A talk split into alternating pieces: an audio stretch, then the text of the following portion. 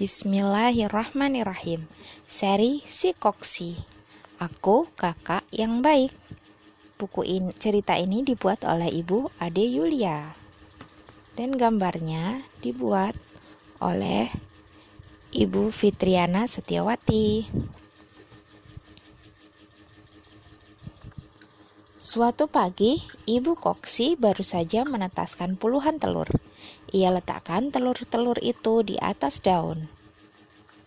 Anak-anakku, seru ibu, seru ibu Koksi. Ibu Koksi begitu senang, berharap semua telurnya ini bisa berubah menjadi kumbang yang sehat. Sudah saatnya ibu Koksi mencari makan. Lalu dipanggilnya si Koksi untuk menjaga telur-telur kecil itu. Itu bayi-bayi ya, Bun. Iya.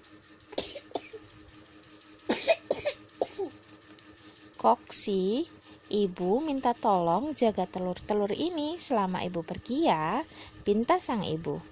Baik, Bu, jawab Koksi. Namun, ternyata bagi Koksi, menjaga telur itu hal yang membosankan. Dia tidak bisa terbang ataupun bermain dengan teman-temannya. Hmm, sepertinya tidak apa-apa jika meninggalkan telur ini sebentar, ujar Koksi. Koksi pun terbang tidak memenuhi tanggung jawab yang diberikan oleh ibunya. Koksi memilih bermain di antara bunga aster. Di sana ada Cici yang baru saja membuat terowongan. Koksi suka dengan Cici yang ramah dan baik hati. Koksi juga suka mendengar cerita-cerita menyenangkan dari kelinci yang satu ini. Koksi, ibuku baru saja melahirkan bayi-bayi kelinci yang lucu sekali, kata Cici. Wah, pasti menyenangkan sekali melihat bayi kelinci. Iya, aku senang bermain bersama adik-adik baruku. oh iya. Iya kan? Iya kan? Ku dengar ibumu baru saja bertelur. Iya, ibuku bertelur banyak sekali. Ah, ya ampun. Aku lupa harus menjaga telur-telur itu, Cici. Aku harus segera pulang. Maafkan aku. Koksi segera terbang kembali ke rumahnya. Sesampai di rumah, betapa kagetnya Koksi ketika melihat sebagian kecil telur itu terkena jaring laba-laba. Itu artinya hampir saja laba-laba akan membuat sarang dan siap memangsa telur kecil itu. Ibu Koksi yang sudah pulang tampak kesulitan membersihkan jaring laba-laba yang begitu kuat menempel di beberapa telur.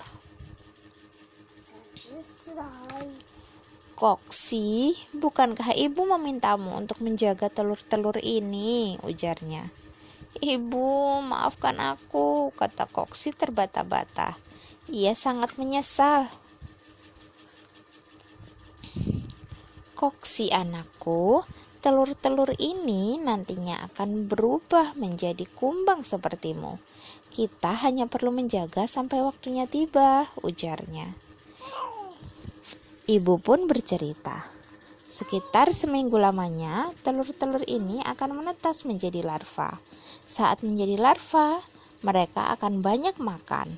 Setelah itu, mereka pun tidur lalu menjadi kepompong. Beberapa waktu kemudian, lihatlah Koksi setelah seminggu menjadi kepompong, kini mereka telah berubah menjadi kumbang yang sehat sepertimu.